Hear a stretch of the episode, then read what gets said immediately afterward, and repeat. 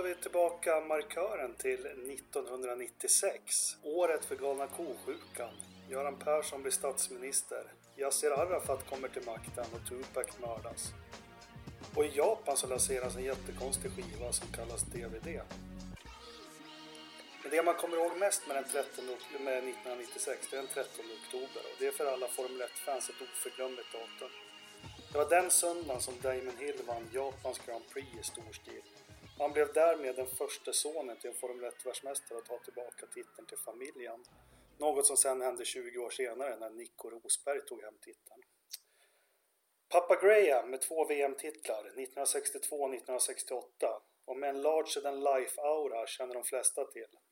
Mellan odlandet av tangorabatten och resandet land och rike runt för att roffa åt sig titlar och Grand Prix så hann han, han även med att producera lite annat. Så den 17 september 1960 föddes sonen Damon Hill. Damon växte upp kring Formel 1, men han var inte så imponerad av det. Att ha människor som Jim Clark, Jackie Stewart och Hugh Bonnier ständigt som gäster i residentet i Hampstead var inte något som han reflekterade särskilt mycket över. Nej, det var motorcyklar som fångade Damons intresse och tidigt fick han sin första båge som han körde runt på. Framtiden var inte helt utstakad för Damon i, i unga år, men i samband med hans pappas tragiska död 1975 så vändes livet upp och ner för hela familjen. Graham hade varit slarvig med sin ekonomi, försäkringar och annat och familjen tvingades därmed leva ett mycket modest liv och Damon fick ta jobb som mc-bud i London.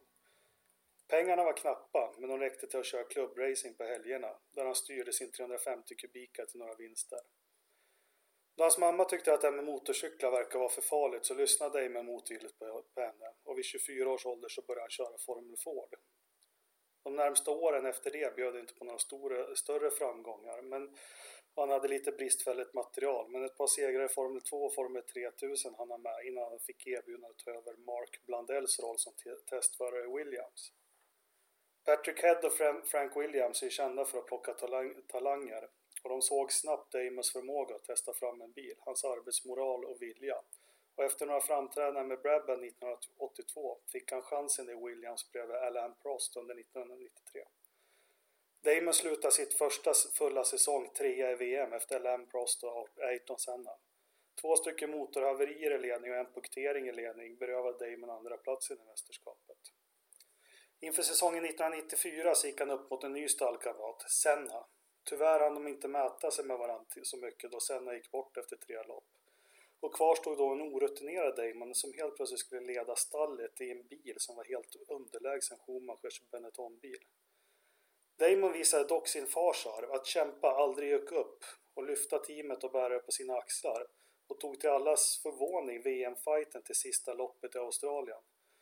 Som alla minns så blev han där brutalt avkörd av Schumacher efter att ha stressat honom av vägen. Säsongen 1995 fortsätter Damon nu i Williams, nu tillsammans med stjärnskottet David Coulthard. Hans rival Schumacher hade nu kunnat stoppa in fältets bästa motor från Renault i sin Benetton-bil. Benetton som också hade ett överläget chassi blev alldeles för svåra för Williams. Även tillförlitlighet spelade in då han fick bryta tre stycken lopp i ledning till följd av mekaniska problem. Han blev även avkörd av Schumacher på Silverstone och Monza detta år. Så prospekten inför 1996 såg inte så mycket bättre ut. Williams var nu den tredje snabbaste bilen i fältet efter Benetton som hade fått Alesi och Berger som förare. Och Ferrari som kom med en helt ny V10-motor och Schumacher bakom ratten. Försäsongstesterna gav inga upphov till att Damon-fansen ska dra på smilbanden. Men när väl säsongen började så fick vi se de största uppvisningarna inom Formel 1 som har skådats.